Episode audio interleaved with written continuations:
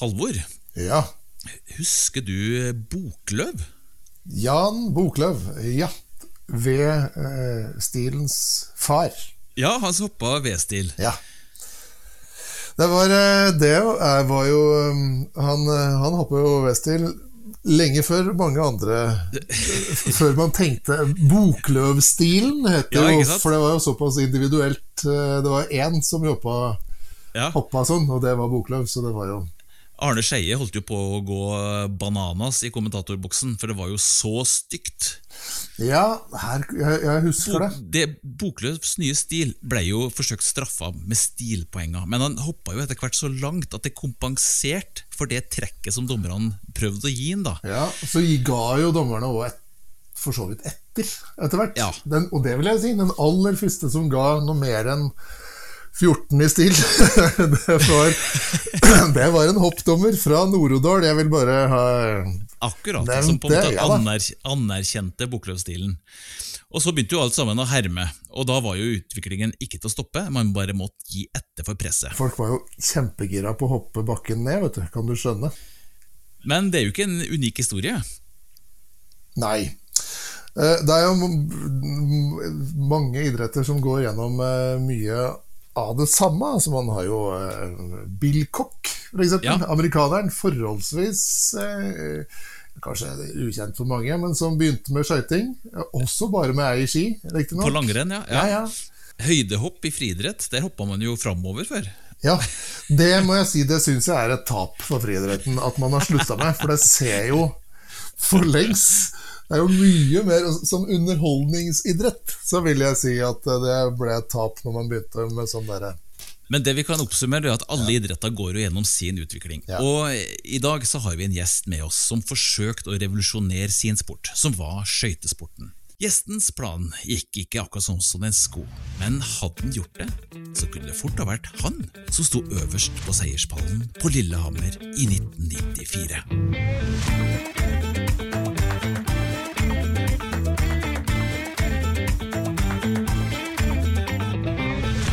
Velkommen til Mislykka, podkasten som tar for seg store og små mislykka prosjekter. Jeg heter Ole André Sivertsen, og her i studio så er det jo helt tomt, for vi er midt i koronatid, så min kompanjong Halvor Haukeri fra Motarbeider Hei! Du sitter, du sitter oppe i Odalen fortsatt? fortsatt? Her er det alle tiders. Her skjer det lite. Eh, Det er eh, behagelig. Eh, Vi har fått eh, bitte litt bredere bredbånd eh, siden sist. Ja, jeg hører det. Ikke all verden, men eh, det, det, det eser ut. Ja, Og dere følger alle krav fra myndighetene og har hjemmeskole og Ja, ja, ja. Vi, eh, alle krav etterfølges. Vi sitter på, på hørt borterom. Nei da, det er Nei da, det er eh, Nei, det er noe sånn der. Jeg syns egentlig det er Det begynner å finne sin form. Ja. Intense dager for min del, for så vidt.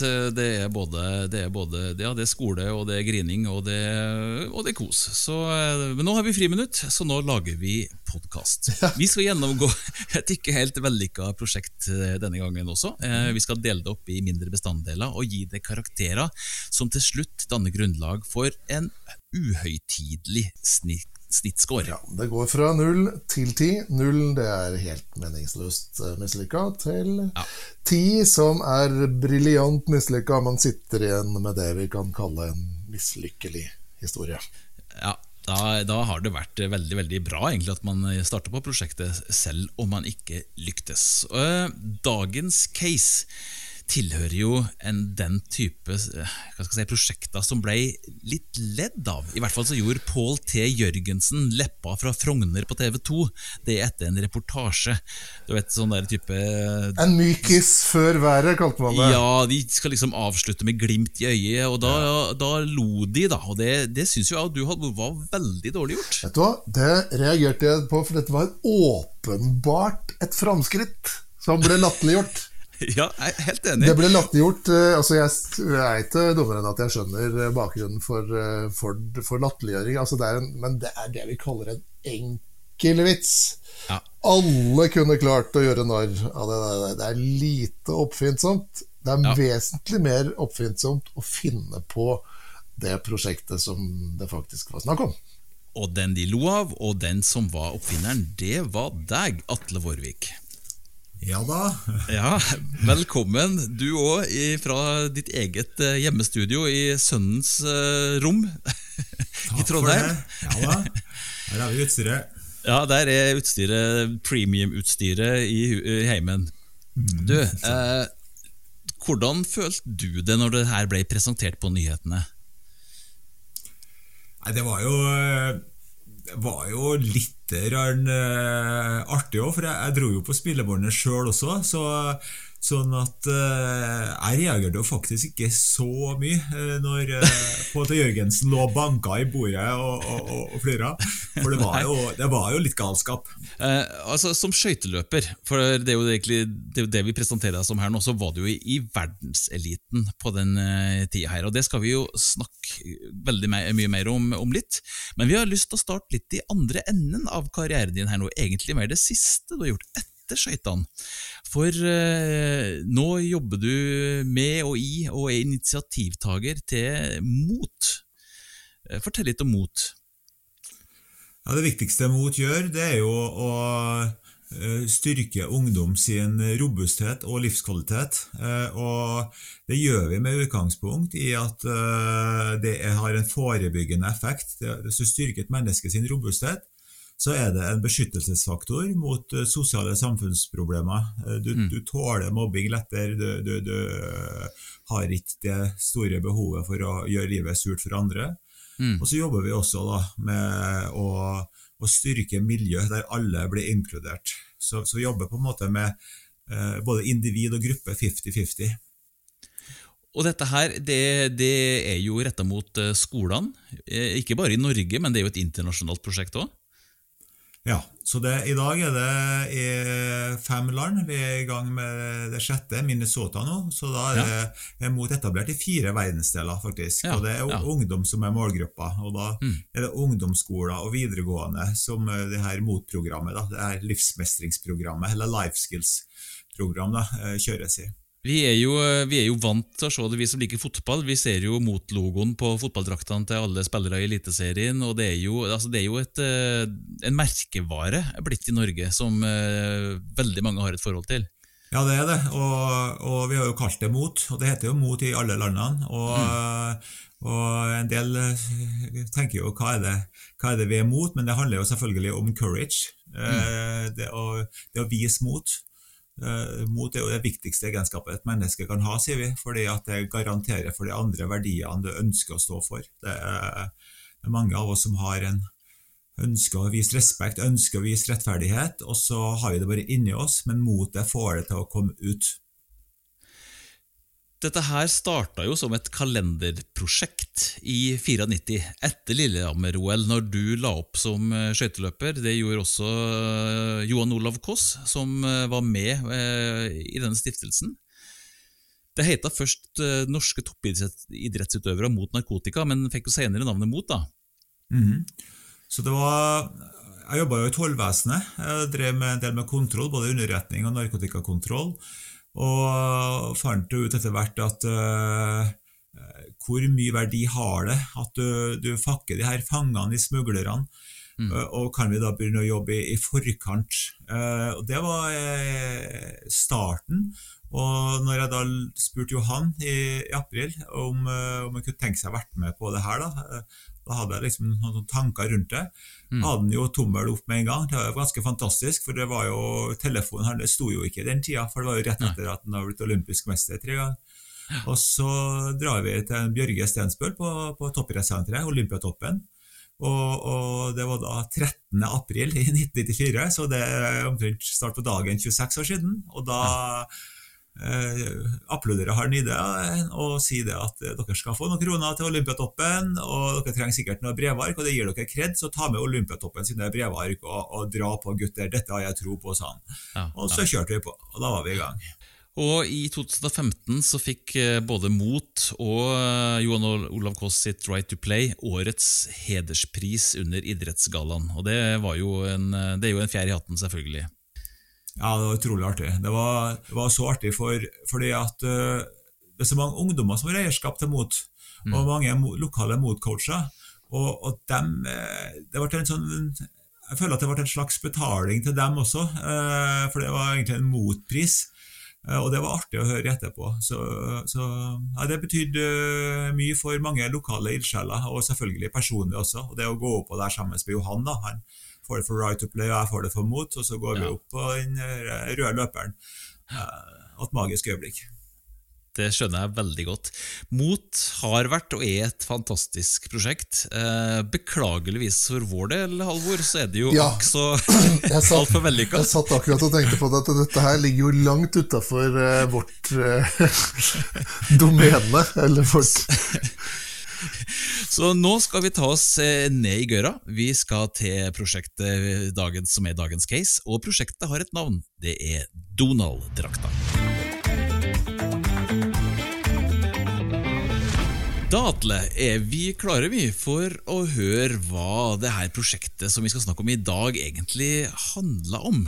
Du, Donald-drakta det var et eh, eksperiment på å redusere luftmotstand Eh, og det var jo da den her eh, En stjert bakpå min rumpe da, som ja. Eh, skulle redusere luftmotstand. Jeg visste jo ikke det før vi begynte med den, men jeg har skjønt etterpå at mesteparten av luftmotstanden, eller i hvert fall stor del av den, den er jo bak. Ja, Men hva var det du kunne oppnå med dette? her? da? Hva var visjonen i prosjektet? hvis du skal si det, det sånn da? Visjonen det var selvfølgelig eh, å få mest mulig effekt, få større resultater, det å gå fortere på, på skøyter. Så det var nummer én.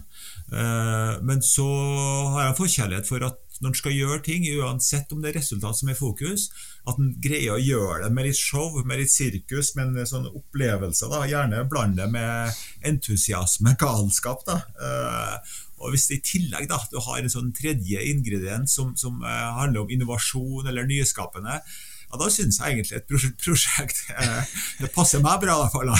ja. Når er dette her eh, skjer? For det har jo en viss betydning, syns jeg.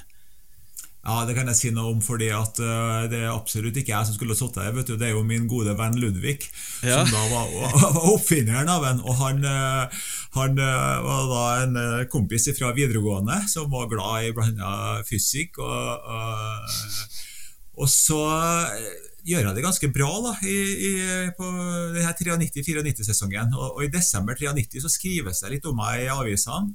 Mm. Og, og, han uh, holder da på å bygge seg fly, som mikrofly, som han flyger sjøl. Og så går det i 55 km i timen, og så hadde han så lyst til å få det til å gå i 60 km i timen. Så har han tenkt på hvordan kan han få det enda mer aerodynamisk. Så har han begynt å tenke på at han skal lage vinger på røren og sånn. Og så våkner han en natt, som han sier det hans ord der, da. Så våkner jeg en natt og tenker jeg på Dæger, jeg skal bygge om en Atle isteden. Og så ringer han meg da og så sier du Atle, jeg har en kjempeidé. Og så begynner han å fortelle om det på telefonen da, før jeg har sluppet til å si et ord. Og så sier jeg da når han er ferdig, men Ludvig du, Det er OL-sesong, jeg går worldcup nå, jeg har aldri vært i bedre form og jeg har aldri gjort det så bra. Jeg kan, må ha fokus, sier jeg. Og så sier han ja, men eh, fortsett den, da. Og så sier jeg nei, Ludvig. Ok, da, sier han. Men kan ikke du komme en tur på kaffe, da? Og så drar kona på, på kaffe til han og kona, og så, og så, og så sier han du, du, vi kjører oss en tur, sa han til meg. Ja, ja, sier jeg. Så kjører han en tur, og så sier han at uh, uh, Strekk ut handa, ta og åpne vinduet. Og jeg gjør det, da. Så kjenner jeg jo at handa blir dratt tilbake, selvfølgelig. Ser du hva jeg kjører i, sier han. Ja, 60 km i timen, uh, sier jeg. Du, ta frem den vingen som ligger i baksetet.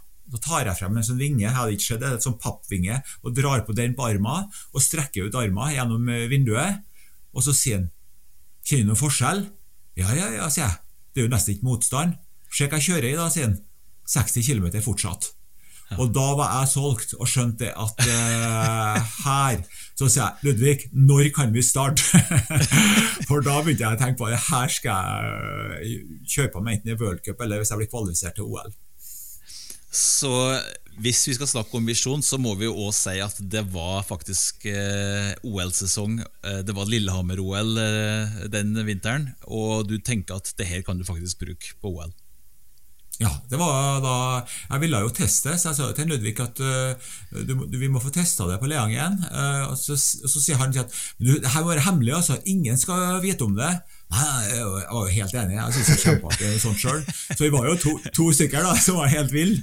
Som noen unger, vet du. Men altså, eh, hvis vi skal oppsummere visjonen din, da, eh, så er det jo da du eh, tenker at du kan utvikle skøytesporten, og du har til og med lyst til å bruke den på OL. Skal stå på toppen av pallen i, på Lillehammer, eller på Ja. Hamar, da. Ja, For det, det er vel egentlig det som er mulig her, Atle?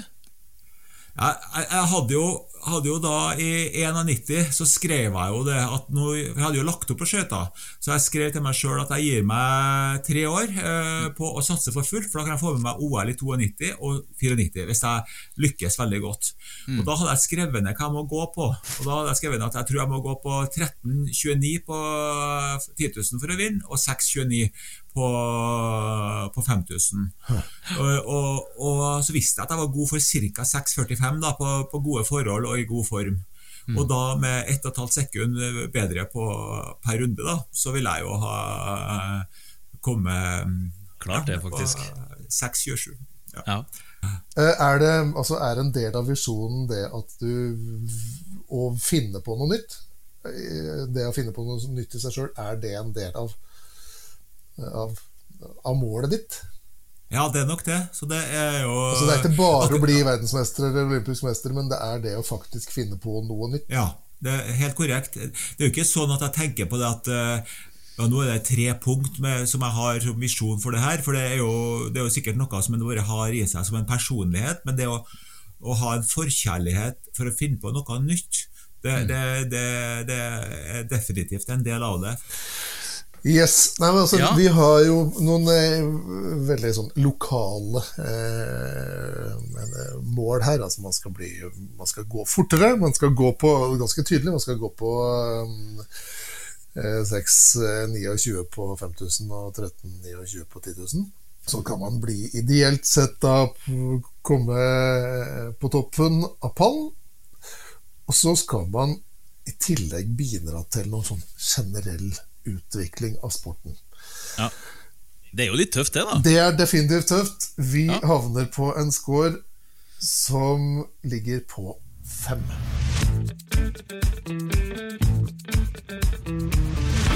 Vi skal snakke litt om motivasjonen og entusiasmen her. For den som var eh, involvert sammen med, som må kunne sies å være eh, like entusiastisk, det var jo kompisen din. Ja, veldig. Ludvig han, han har entusiasme hele tida, så det eh, jeg, jeg kan jo faktisk si det, da, eh, som en innledning på han Ludvig. Eh, Noe mye snillere menneske skal du lete lenge etter, så det er det første. Men den galskapen han står for, den oppfinnsomheten, den risikoen han står med, det, det, det er bare helt rått. Men det er jo fantastisk å ha en sånn eh, skal vi si, eh, entusiast med på lag da, når du skal prøve å kjøre et sånt prosjekt framover. Ja, det er helt utrolig. Så har jeg har jo ikke, Det har aldri vært noen Donald-drakt. Det er meg det snakkes om med Donald-drakten, men det er jo Ludvig som er, maren mannen bak det. Men eh, er, det, er han også den som motiverer deg, å å gjør at du kan begynne å tenke på eh, OL-gull, f.eks.?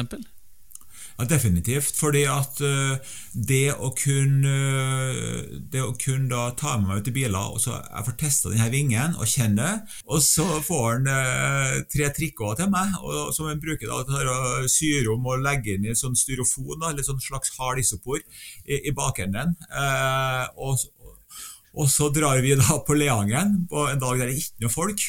Og så sier han at eh, Eller jeg hadde jo da sagt at vi må få testa det. Og så sier han da skal vi ta teste det opp mot hverandre. da Og så, så sier jeg det tar i hvert fall en halvtime å ta seg igjen. Så da tar vi og går en trerunder eh, med maks først, med vanlig trikot. Og så venter vi en halvtime, og så tar jeg på drakten. Og så gjorde jeg det, og han tar tida, da. Og jeg bare kjørte på den første trerunderen, var helt sliten, som om det var en konkurranse. Og han gir meg tida, da. Og så tar vi på drakten, og så går jeg ut på. Og forventer Og jeg kjente jo fortsatt litt den her blodsmaken etter første trerunderen. Og, men så bare drar jeg nå på. Og så, og så var det litt vondt òg, for han hadde ikke forma det helt bra. Så det stakk litt han fortsatt, den isoporen eller styrofonen. Og så når jeg er ferdig, da, så spør han meg ja, hva tror du da, hva tror du om tida.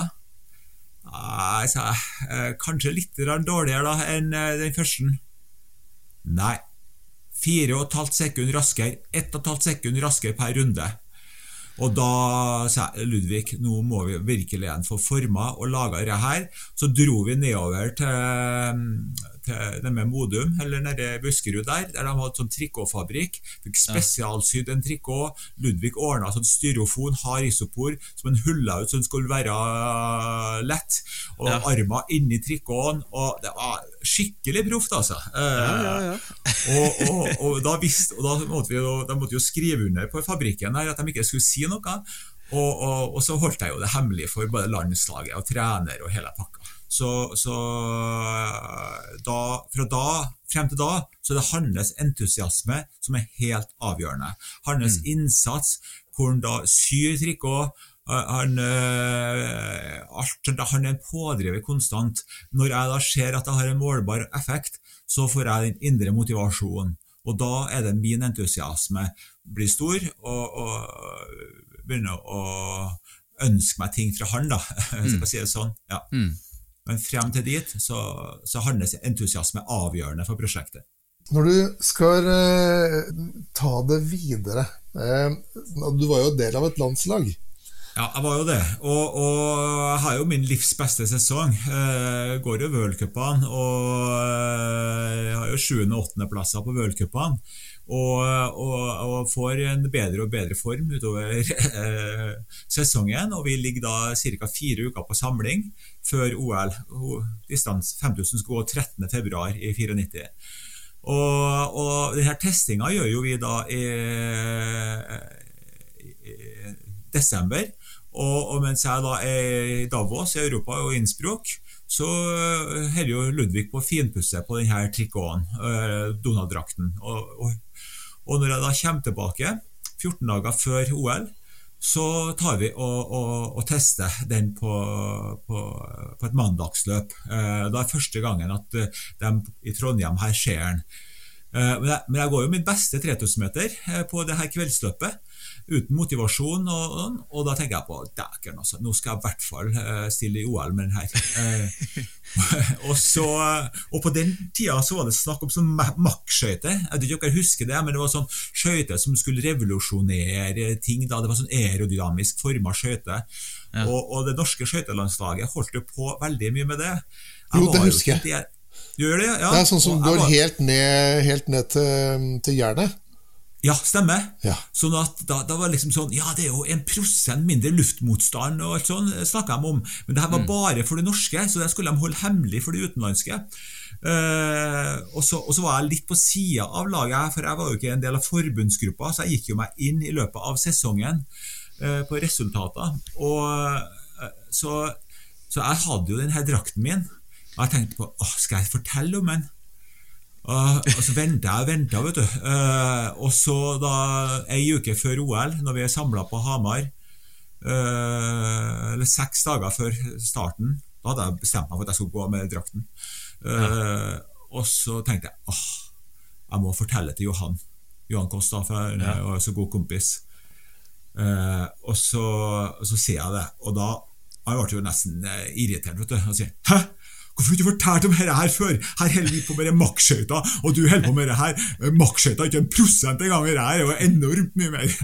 Og så sier jeg ja, ja, ja, ja, men du, hvordan tror du jeg kan få akkreditering til Ludvig? For jeg måtte jo ha akkreditering, for Ludvig måtte hjelpe meg med å få på den drakten og sånn.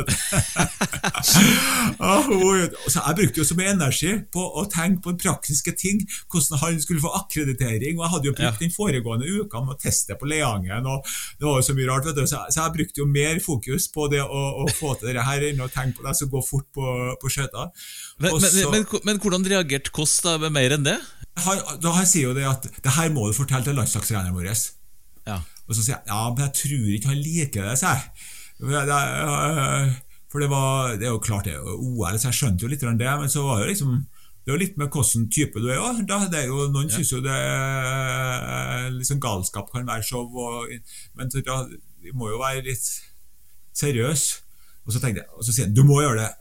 Og så gjorde jeg det. da, og da, det var, Jeg venta tre dager før øh, 5000-meteren. Så forteller jeg da til, til Hans Trygve Kristiansen, som var landslagstrener. Og så sier han at nei, det er ikke aktuelt. Ja. så, så sier jeg, og da, da følte jeg da kunne jeg faktisk ikke gjøre det. da, For da Altså det, det vi kan si da er jo at det er jo ikke så veldig mange eh, som har vært involvert her. Det er jo du og Ludvig. Ja. Og, så, og så er det jo, presenterer du for Kåss og treneren. Eh, og Kåss er jo Jeg forstår jo at han er litt uh, usikker når han får høre dette her, og treneren sier nei. Eh, det er jo egentlig ikke noe motivasjon eller entusiasme som sprer seg utover deg og eh, Ludvig. Ludvig, da. Nei, det for å si det sånn, det kan du trygt si. Så hvis at du skal bruke én mot alle-uttrykket noen gang, så er det vel det. Sånn at eh, det var, det var Og jeg tenker på det etterpå. Hvordan greide vi å ha motivasjon? Men det er klart, når du har klokkertro på noe, Ja. så, så, så eh, Da eh, Ja, du kjenner inni deg, så, så kan du slåss vet du, mot hele verden eh, en av gangen. Eh, og, Ja. der, eh, og, så, og så var jeg jo ikke alene. Ludvig og jeg hadde jo det sammen. Ja. Og, og det er klart, når du er to som har trua på det, så betyr det veldig veldig mye. Eh, er, to er jo dobbelt så mange som én. Men er det sånn Men hva var reaksjonen til eh, Hva heter det? Hans Rygve Kristiansen? Nei, det Til var, treneren. Hva, hva, hva, var, hva var det første han sa? Jeg husker ikke ordrett. Jeg bare, jeg bare husker på Hvis jeg kan lage et bilde på det, da. Den her Først en vantro, og, og mer det at jeg i hele tatt kommer og spør om noe sånt. Og hele tatt kan finne på å tenke sånne vaner. Men Hvordan var- forklarte det var- du det? Sa du at ja, men hør nå her. Jeg setter på med denne her, og så går, at, så eh, går jeg faktisk eh, eh, et, et halvt minutt eller et minutt kjappere på, på 10 000. Ja, jeg, jeg sa jo eh, at Jeg husker ikke ordrett, men, men, men hvis jeg, hvis jeg, jeg kan lettere kjenne igjen den her eh, følelsen eh, jeg hadde eh, når jeg formidla det, og det var jo det at eh, du vil utvikle en idé som kommer til å revolusjonere uh, skøytesporten. Og, og, og, og jeg kan være den første som gjør det. Og, og sånn da, og så det, Jeg kunne jo ikke si det at jeg kom til å ta gull med den, for det var jo litt lite ydmykt sagt, men inni meg Ja. så trodde jeg jo det. Eh, så, så jeg ble nok Jeg, jeg, jeg, jeg var nok eh, Jeg kommuniserte nok det sikkert litt dårlig. eh, Det var litt sånn ungdommelig entusiasme overfor en far, liksom. Ja, det er, det er ja. akkurat Men det. var det sånn, Er dette en sånn klassisk situasjon? For det kan sikkert flere kjenne seg til. At man har en kanonidé. Du kjenner det inni deg at 'dette her kommer til å funke'.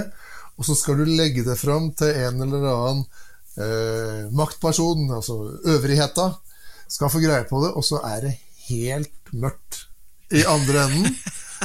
Og så tar det er du sånn Ja, men hør nå her! Så prøver du å forklare det kanskje en gang til, og så er det fremdeles like mørkt. Og så begynner du å tenke, begynner dine egne tannhjul å gå sånn sakte og rolig, og så tenker du sånn at Hø, kanskje det rett og slett er en kjempedårlig idé? Altså, du mister trua på eget prosjekt. Var det, mista, du, mista du trua? Ja, jeg jeg bare digger den måten du øh, fremstiller på. For det, eh, først da, nei, jeg mista ikke trua. Men det var jo takket være at øh, prosjektet hadde fått såpass god, bra grobunn. Eh, og jeg tror så mange gode ideer da uh, blir ødelagt. Fordi at det blir, det jo, I begynnelsen så er det jo som et, et frø.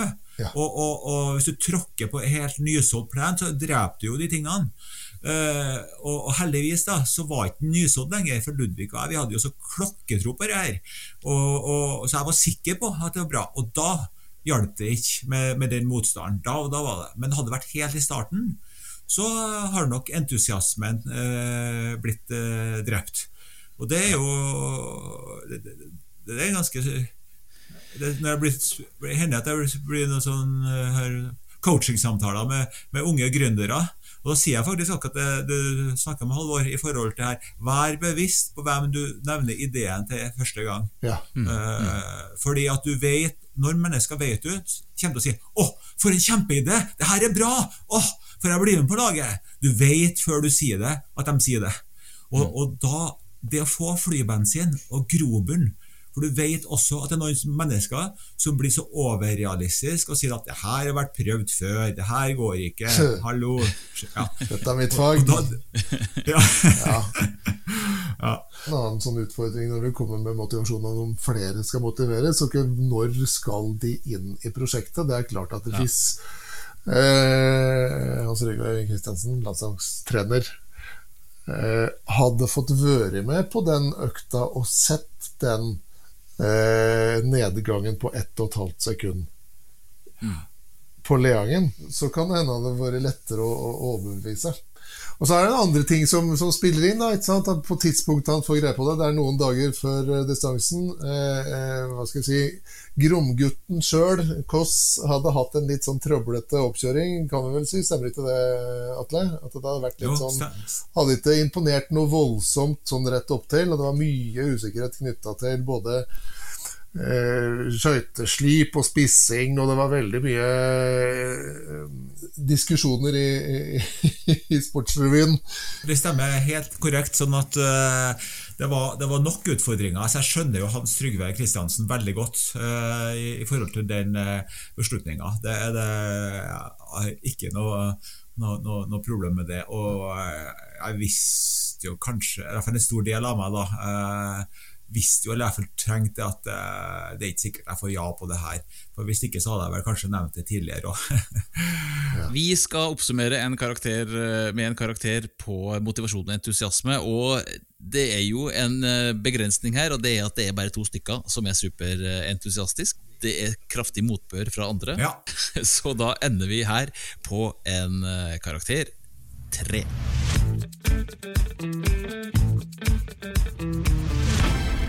Vi går videre i eh, prosjektet. Eh, Fortell om hvordan det blei på eh, OL, gjennomføringa di.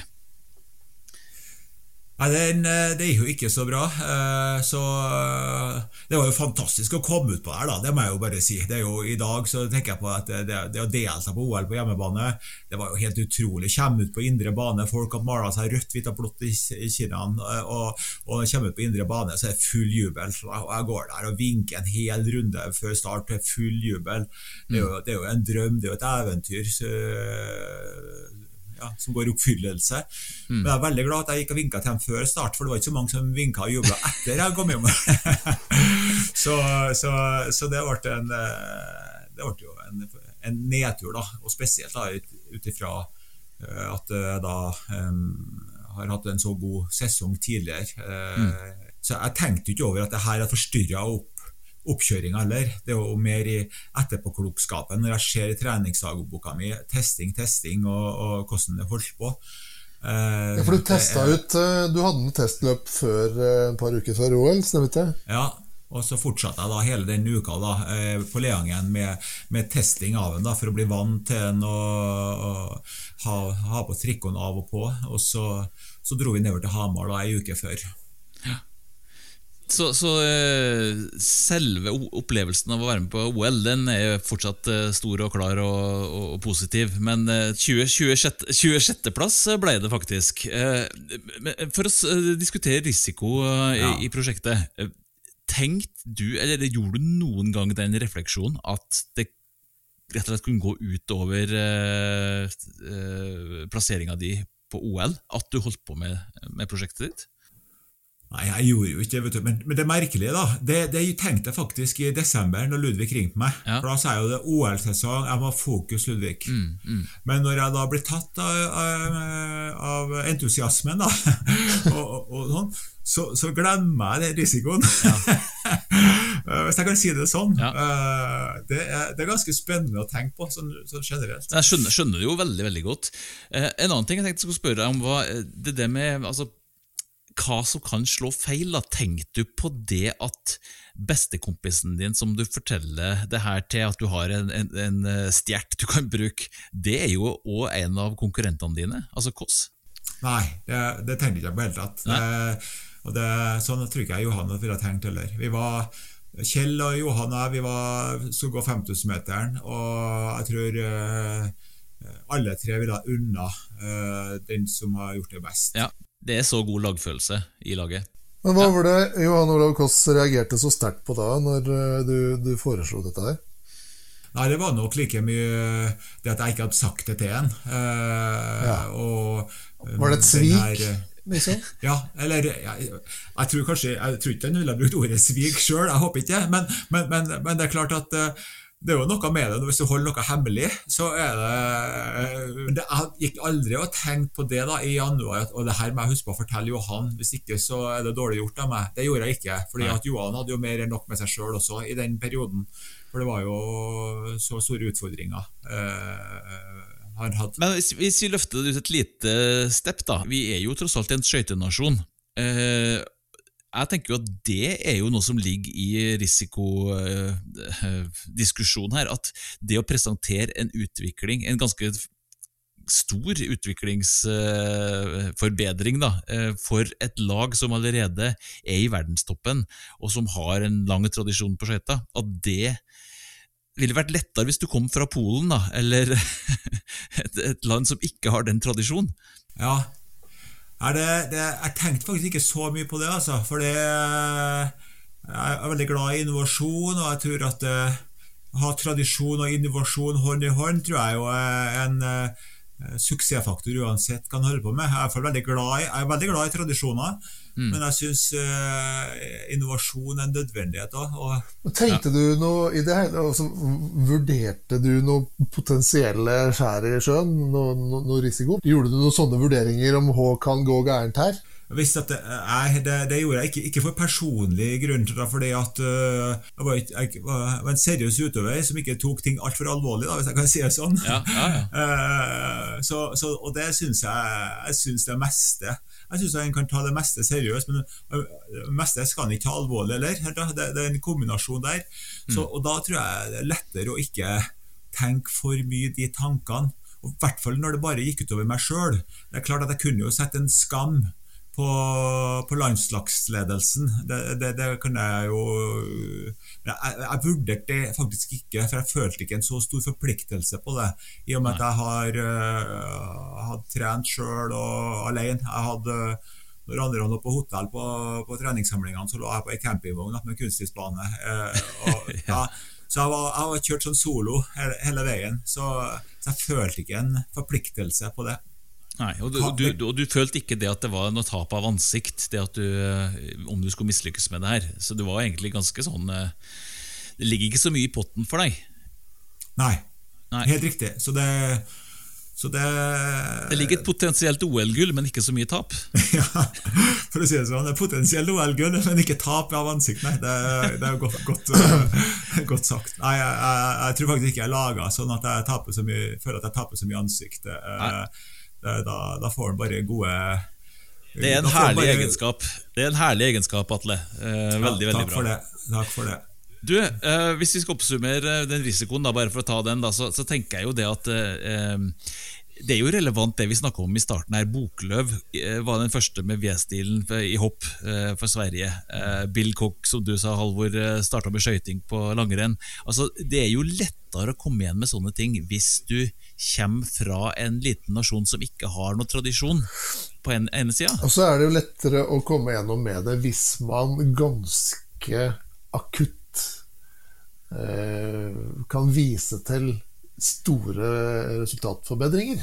Men, men, det jeg tenker vi her han løser jo ikke noe problem for Hans Christi, eh, Trygve Kristiansen. Nei, snarere tvert imot. Han skaper for, et problem.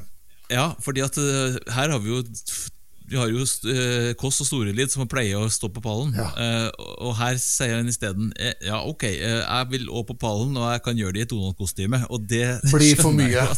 det blir for mye på en gang, rett og slett. Ja. Tre dager før eh, OL på hjemmebane. Eh, OL-ilden tennes, skip er bygd, isen ligger klar og glatt, og så kommer det en og sier Du, jeg tenker at jeg skal stille opp i Donald-drakt. hva er dine tanker om det? Da tenker jeg at som landslagstrener så er det sånn hm, Her er det for mange ting eh, som eh, Det er en, litt for mange ting i dette bildet her som setter meg og nasjonalidretten, og ikke minst Norge og liksom, eh, Skal vi latterliggjøre hele konseptet Lillehammer-OL? Kommer Samaranch til å si at 'this is the best winter games ever'? Funniest game, Funniest game ever. vi uh, oppsummerer at det risikoen for Atle var ikke så veldig høy, men eh, det ble litt for Prosjektet har for høy risiko fordi at det betyr for mye for mange andre. Eh, det betyr at eh, karakteren havner ifølge vår score på tre.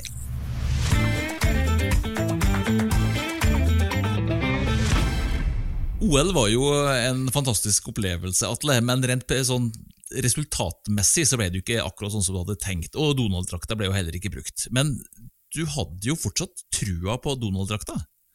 Jeg hadde jo det, og, og, jeg hadde jo stor glede av at det, det ble et så godt OL for, eh, for eh, Johan og Kjell og, og andre. Eh, ja. Men min motivasjon ble jo dårligere. det den, og, og, Jeg dro jo hjem og, og slutta å trene og spiste meg litt feit. Men allikevel da, så, så, var det for gærent å ikke bruke Donald-drakten. Så, så når NM skulle gå så eh, bestemte vi oss for at uh, vi går med Donald-drakten på en av distansene under Norgesmesterskapet. Det har jeg sett! Vært... Dette har jeg ja. sett. Og, du, og, det gikk bra òg, gjorde det ikke det? Ja, det gjorde det, vet du. Fordi vi hadde bestemt oss, da, Ludvig og jeg. Ludvig var med nedover, for jeg trengte jo hjelp til å ha den på. Jeg brukte jo 45 minutter å få på meg denne drakten med hjelp av Ludvig. Så det er jo Jeg måtte jo starte oppvarminga. Normalt sett så starter jeg 50 minutter før. Jeg måtte jo starte 1 12 time før. 1 time og 3 kvarter, nesten. Eh, for å sette av tid til det her. Og, og det var 10 000-meteren jeg skulle bruke den på. Siste distanse. Men så var det så dårlig forhold at 10 000 ble omgjort til 3000 meter. Og det var jo litt rann, eh, dumt, for det tar litt lengre tid å komme i gang med den trikoten, eh, Donald-drakten. For starten, de første eh, to rundene, blir dårligere, og så kommer du i siget. Ja. Men eh, det går jo så suser, så jeg jo, går jo nesten, eh, nesten likt med Johan. Det er ikke mye man gjør som vinner. Ja. Eh, så, så det var jo, ble jeg jo veldig overraska over. Johan hadde jo da vunnet OL noen uker før, og så ja. Eh, gjør jeg det så bra. Men drakten egner seg ikke så bra når ikke det er skal si, stor fart og lange løp, da? Nei, Desto større farten er, desto bedre effekt har den. For eh, Hvis du dobler farten, så firedobles motstand. Så, mm. så, så, da bestemte vi oss for at uh, det her er jo en drakt som må testes enda mer. Og, og, og det må jo gjøres innendørs. Og, og, Fikk du noe mer aksept etter NM når folk faktisk så at, uh, at det gikk såpass bra? Ja, det gjorde vi faktisk. Fordi at uh, Ludvig sa jo det til Johan. Du, her bør du jo gå med på worldcupfinalen i Herrenfen, sa han. Uh, ja, sier han Johan, kanskje det. Og så, så sier han Ja, og Kjell Storeli òg. Ja, Så begynte vi å snakke om det at der er det når vi alle treene stiller med denne drakten da, på v-cupfinalen. Eh, og da sa Ludvig at jeg skal greie å, å, å ordne det. Altså. Da hadde, jeg tror han hadde 14 dager på seg, eller var det bare ei uke? Jeg husker ikke helt. Eh, men han, jo, han, jobber jo døgnet rundt hvis han må. Og så bestemte vi oss for det. Og så sier, han, eh, sier han Johan et forbehold, jeg må bare høre til men han Trygve om det er greit. da. Det var jo hans, avs var jo hans avslutning, det som ja. trener. Det var det, så Jeg skjønner Hans Trygve veldig veldig godt, for det var hans siste da, uh, ja, landslagstrener for et suksesslag. Ja. Uh, og, og, og, så han sa det at dersom dere gjør det, så drar dere uten trener, sa han. så da var det ingen av oss som brukte den. Men, men, uh, men det var jo for, for gærent, da. Så Ludvig og jeg vi fortsatte jo i vår eller munkeverden da, og avtalte med, med, med, med vikingskipet eh, innendørshallen om å, om å få sponsa en time da, så, og preppa banen så best mulig, så vi kunne uh, dra den over og sette verdensrekord. Jeg alene, ikke sant? Ja. og, og, TV 2 var jo, de fulgte jo meg veldig, de var ivrige på det her. Uh, så da når de fikk høre det, eh, så stilte jo de et eget team nedi der og, og filma jo det her, var jo på nyhetene på kvelden. Og landslagsledelsen og flere folk i nærområdet var der og sto og heia på når jeg gikk den 5000-meteren. Men det ble jo omtrent samme tida som jeg gikk på under OL, så det ble jo ingen verdensrekord. Så, Men det var mer sånn formrelatert enn aerodynamisk? Ja, Eller hadde du blitt såpass feit at aerodynamikken. Ja, det, det, er helt korrekt. Det var formen. Fordi at noen år senere så ringer det meg en professor fra NTNU Og så sier han at han var veldig opptatt av, av toppidrett og nyskaping og, og, aerodynamikk. Så han lurte på om han kunne få teste den her i vindtunnel på NTNU. Det var mange år etter jeg hadde lagt opp, og, og så gjorde han det. Og sammenligna det med trikot som vi gikk med under OL. Og da viste det seg at det var 1,7 sekunder per runde i 5000 meter fart å spare. Så det, så det, er på en måte bevist uh, av Sintef i ettertid at det var, det var, noe i drakten, altså. Ja. Men, men, men uh, det er jo litt sånn Jeg synes jo det er, det er jo en trist historie, for det bygges jo opp så, så Det går bare så feil. For når du er i toppform, så er det ingen som vil se det. Og så, når alt sammen kommer for å se det, da er du ikke i bra nok form til å faktisk levere resultatene som skal overbevise dem. Det, jo, det jo, blir jo klønete her, da. Jeg blir jo det, vet du. Så det var jo, det var jo, var jo sikkert etter det den fikk navnet Donald-drakten. Ja. Jeg kalte den sjøl Ludvig-drakten, men media døpte den jo til Donald-drakten. Hvis vi skal se det her i et slags sånn perspektiv av hva slags organisasjon du har involvert, da, så har du jo, det har jo vært du og Ludvig som tomannsteam eh, hele veien. Og så det øyeblikket de skal utvide organisasjonen til å på en måte få en del folk med seg, så svikter de på en måte på gjennomføringa. Det er jo det som, det, det som egentlig skjer her. Så det er jo eh, Ja, organisatorisk så tenker jeg jo at det, det, det Ja, dessverre er klønete et godt ord. Ja, det er jo det. Altså, jeg syns faktisk det sjøl òg. Og når jeg tenker tilbake når vi skulle nedover og sette verdensrekord, da, så den uka før så var det jo, det var jo ikke noe særlig opplading. Og da tar vi nattoget nedover til den dagen jeg skal gå løpet. Så vi tar ned til Hamar, da, vi, vi, og da, da holder vi på om praktiske ting. Jeg husker på Vi ligger i dobbeltkøya på, på togkuppen og prater om ting. Så vi da tror jeg vi, slokna ett-halv to-tida, og så stopper toget på Hamar i fem kvart i fem. Og, sånn, tror jeg. og så gikk vi ut derfra, og da hadde vi jo ikke råd til å ta noen bil heller, så jeg husker på vi gikk bortover da, til Vikingskipet og, og, og, fant en garderobe som var åpen, da, og så bare legge oss litt for benkene der. Og så skulle jeg ut og sette verden verdensrekord, da. det, det er ikke noe optimal opplanding. Nei, det er helt tullete. Ja. Vi skal sette en liten karakter på organisasjonen her, Halvor. Eh, vi kan gjøre det short and sweet. Eh, Karakteren er to. For ett poeng for hver deltaker i organisasjonen. her. Etter at du ikke satte verdensrekord med Donald-drakta. Eh, da var jo på en måte prosjektet over, kan vi si. For da hadde jo ikke Du hadde, du hadde jo fortsatt deg og Ludvig som uh, trodde på prosjektet, men nå var jo på en måte alt sammen testa og ikke uh, hatt noe suksess. Ja, det var jo det. Og uh, jeg hadde jo fortsatt veldig trua på denne drakten, så, så jeg var jo i tankeboksen. Uh, om vi skulle gjøre uh, noe mer uh, med det. men det ble jo, det ble jo ganske enkelt òg, fordi at rett etter OL, eller sesongen, da, så, så var det en sånn ISU-kongress i USA hvor de da bestemte at slike konkurransefortrinn det skal ingen ha, og kroppen kan ikke bygges ut mer enn 3 mm i fremtiden. Ok, Så det ble rett og slett et vedtak av Det internasjonale skøyteforbundet på at det du hadde tenkt ut, og Ludvig hadde tenkt ut, ikke skulle være lov, altså? Helt korrekt. Var det som et direkte resultat av, uh, av det du og Ludvig eh, holdt på med?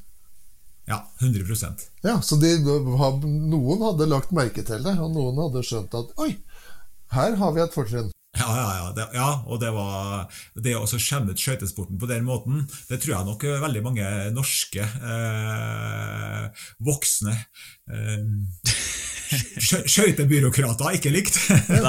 Men det er et veldig interessant uh, poeng, dette her, for dette her er jo allmenn, eller altså gyldig langt utafor skøytesporten eller idretten. Fordi at her nekter man å gå med på en Eh, eller nekter å akseptere en åpenbar innovasjon eller en utvikling som bidrar til eh, å, å, gjøre resultatet bedre. Hensikten med å gå skøyteløp er å gå fortest mulig. Kort og godt. Men, men, men du, kan jo, jo, si at da går det an å bruke vinger på skihoppere, eller altså det, det, eh, hvis man tillater det her, så ser jeg jo på en måte problemstillingene som kommer opp. Da. Ja, ja, men uh, Definitivt. Men poenget er at det er overførbart til andre områder òg, som handler om andre ting enn en idrett. At man, man, nekter å gå med på ting fordi at man har en tradisjon, eller man har noen ja. eh, sånn, sånn, har vi, sånn, sånn, har vi, alltid gjort det, og derfor så skal vi fortsette med det. Hvis vi snakker om hva som da slo feil, og hva som var eh, briljant med prosjektet her, så, så, er det jo klart at her så hadde du en teknologi som funka, men du fikk aldri vist det eh, når det gjaldt. Og så, når du hadde anledning til å vise at det var bra, så klarte du ikke å gjøre det likevel, for da var formen borte. Så det var jo på en måte Gjennomføringa har jo den har jo krasjlanda der den kunne, egentlig. Og, og personlig så, så, var det jo Jeg hadde jo rett etter OL i 94 fått fått denne ideen til det som ble mot. Ja. Eh, og Sigrun kona hadde begynt å prate om den, og den ideen vokste. Så da var jeg veldig sånn åh, skal vi satse på det i stedet nå? For jeg var jo litt sånn eh, var ikke så motivert etter OL heller, og begynte å bli motivert på andre ting. Og, og da hjalp det jo veldig at det ble et forbud med Donald-drakten, for da ja. ble det enda enklere å si at uh, nå tar vi en ny retning, nå hiver vi oss på et nytt prosjekt. skal vi redde verden, eller skal vi gå fortere på prosesser? Det er, eh, Og valget falt heldigvis på verden, og det er jo mange glad for. Og med det så var Donald-drakta på en måte lagt død, da. Eh, vi skal gi eh, gjennomføringa en karakter, over. Og hvis, hvis, vi tar for oss hva slags eh, ting som lyktes i prosjektet, så var det jo ifølge visjonen så gikk det jo sånn rent sportslig ganske bra. Han går så fort som han skal, men han får jo ikke brukt den i OL. Han får aldri presentert og, eller fått noe gjennomslag for det for landslag eller uh, verden som sådan. Da. Så det ble jo ikke noe utvikling av skøytesporten. Så sånn har jo, sett har jo visjonen egentlig ikke blitt oppnådd. Nei. Er det noe som har blitt oppnådd? Den har blitt lagd.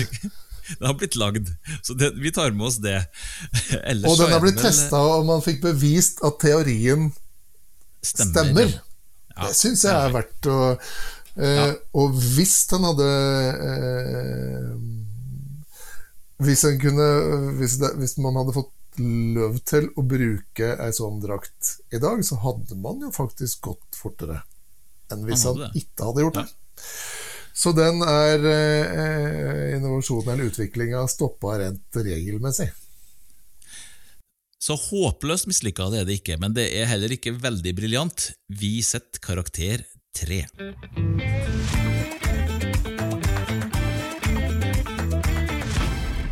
Da skal vi gå videre til siste punkt, Atle. Og her har vi heldigvis mye bra å snakke om. Det er læringa di. Hva sitter vi igjen med etter et prosjekt som Donald-drakta? Ja, det det, det, jeg, jeg, tror faktisk jeg har, uh, har meg mye mer fra, fra, det prosjektet enn hva jeg nesten har vært klar over. Det er jo da eh, 26 år siden. Ja. Eh, og når jeg da ser tilbake, så, så, så tror jeg nok det er en stor bevissthet på det. Når du da har en idé, hvem skal du dele det med? Eh, for det ser jeg tilbake i mottida, så, så, har jeg vært veldig bevisst på hvem deler en idé med når det er helt i startgropa. For mm. det er så lett at den her blir, blir drept. Så det er en av de tingene. Men det å tørre å tro på seg sjøl, det å, å, å, ta egne valg, det å tørre å stå alene, våge å gå egne veier, ja. det å tørre å være annerledes, hvis du kan si at det er en bolk da, som er litt familiær, ja, så, så, så, så det, den, eh, den, fikk veldig flybensin og, og, og, påfyll gjennom det her. Um, for det var liksom ikke så mye Selv om det ble da mislykka, ja, ja, så, opplevde ikke jeg noe risiko med det. Du ble ikke mer redd, mener du? Nei, jeg fikk heller påfyll til å, og energi til å kunne tørre å fortsette gjøre uh, nye ting.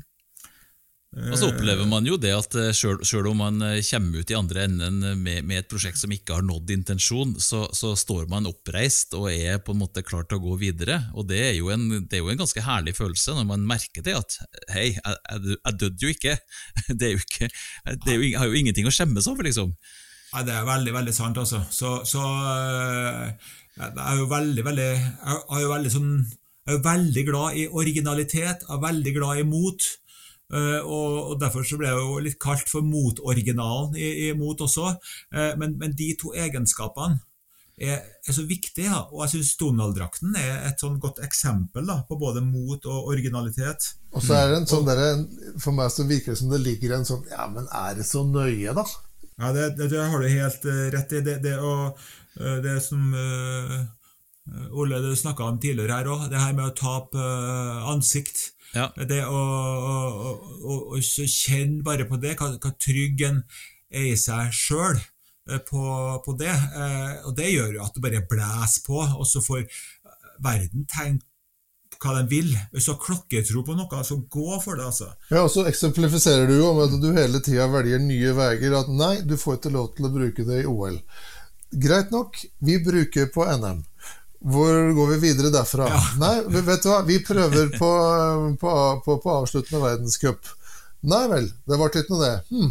Vi går videre til Vikingskipet. Du finner hele tida altså Det handler ikke om å, å prøve å rive ned den veggen som du møter, men det er hele tida bare Ok, vi snur oss 90 grader. Ah, ja, her er det en gang. Vi kan gå videre bortover her. Ja, ja, det er jo definitivt, men jeg tenker jo ikke på det. Eh, det. Det er jo når du sier det, eller andre sier det Eh, og det å ha et, sånn, et slags innebygd pågangsmot og mulighetsfokus, det er, det er jo veldig godt. Eh, men det er jo en gave.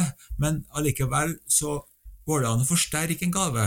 Og hvis du da opplever eh, ting som forsterker det og bekrefter det, så mm. får det bare enda mer Da blir den delen av gaven, da, mm, mm. talentet, sterkere. Og det har nok det her Eh, absolutt vært bidragsyter til. Du har blitt litt mer raffinert som en prosjektdriver, rett og slett, gjennom å, å, å kaste deg ut i det og prøve å feile. Ja, jeg har nok det. Det, det som eh, jeg tror eh, og jeg har lært av det, som jeg ikke har lyst til å ta med meg, da, som jeg har vært bevisst på etter det her, men som er vanskelig fortsatt å, å greie å gjøre, det er å reindyrke fokus.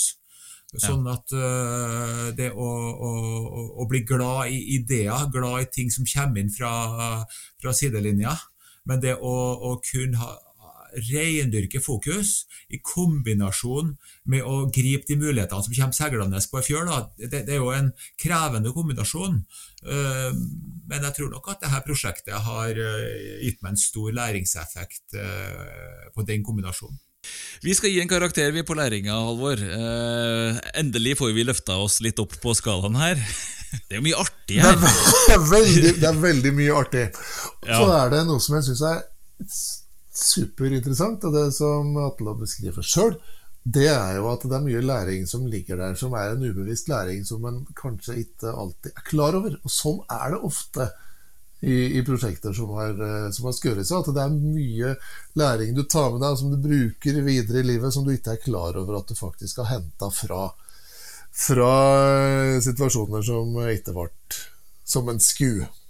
Kanskje spesielt sånne prosjekter som ikke har vært strømlinjeforma. Jeg mener, Én ting er jo sånn når du gjør et uh, prosjekt i et, en stor bedrift, men det her er jo mer et sånt bli til mens du går-prosjekt. Eh, ja, når du sier 'bli til mens du går' og strømlinjeforma i, i, i sammensetning, så er dette veldig ja. to the point på dagens case. Nydelig sagt, ja. Det sier du ja. når du sier det. Vi skal gi en karakter. Vi setter uh, læringskarakteren sju.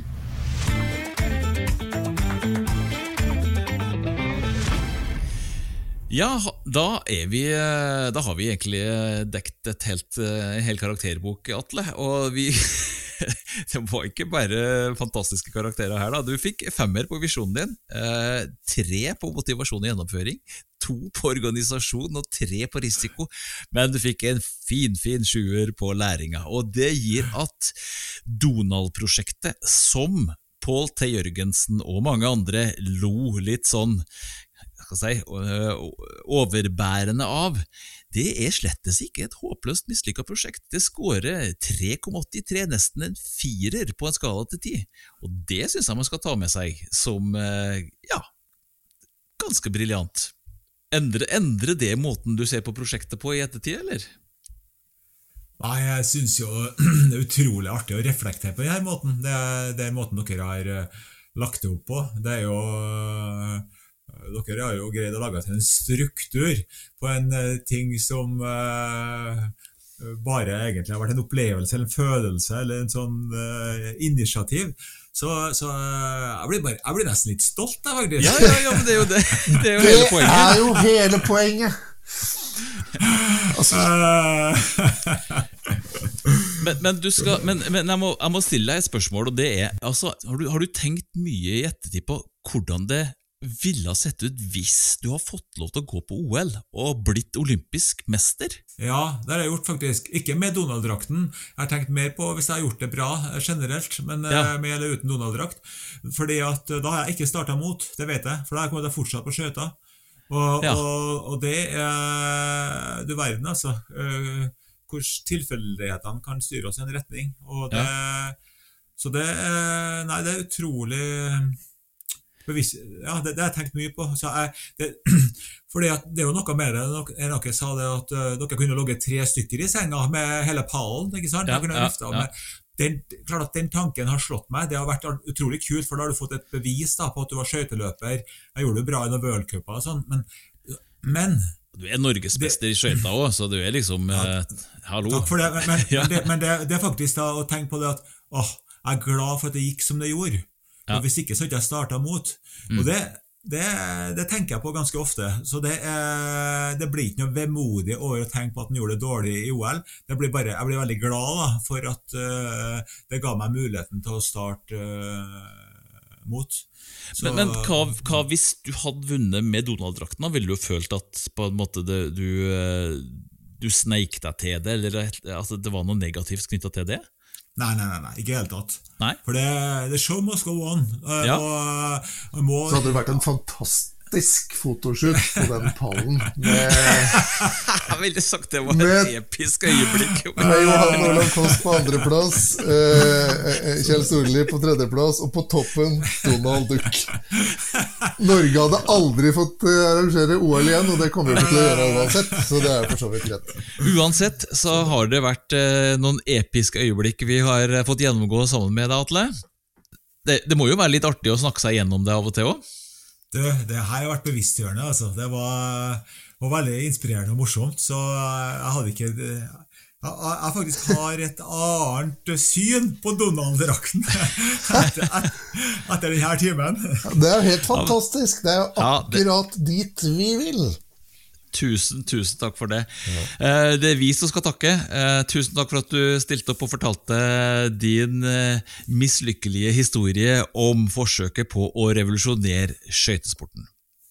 Ja, Halvor. Ja. eh, Det er jo eh, bare å kaste seg uti det hvis man har en drøm. Det er jo det vi forsøker å si, og det er det Atle har fortalt om her òg. Det er veldig mye en kan kaste seg uti, som eh, ikke er eh, så farlig som en kanskje skulle tro. Er det så nøya, som Atle sa? Eh, Kanskje det er en del av flere som kan tenke dit. Er det flere som har mislika historier, så må dere selvfølgelig komme til oss. Og som vi alltid sier, vi kan komme til dere. Eh, Vi venter på at koronaen skal forlate landet, og at vi skal få immunitet. Men når det skjer, Da da kommer vi Kan vi dukke opp hvor som helst. Da kan vi komme på event og workshop og hva som helst der dere har lyst til det. Og vi kan til og med møte opp digitalt, hvis det er noen som ønsker det. Alt er mulig. Denne episoden av Mislykka er over. Tusen takk igjen til Atle Vårvik som delte sin fantastiske mislykkelige historie fra skøyteisen. Takk til Internett som brakte oss sammen på en bra måte. Her sitter jeg, Ole André Sivertsen på Nesodden, og Halvor Haukerud oppi Odalen. Vil du vite mer om Mislykka, eller kanskje være med, så gå inn på www.mislykka.no. Tusen takk for denne gangen, og på gjenhør.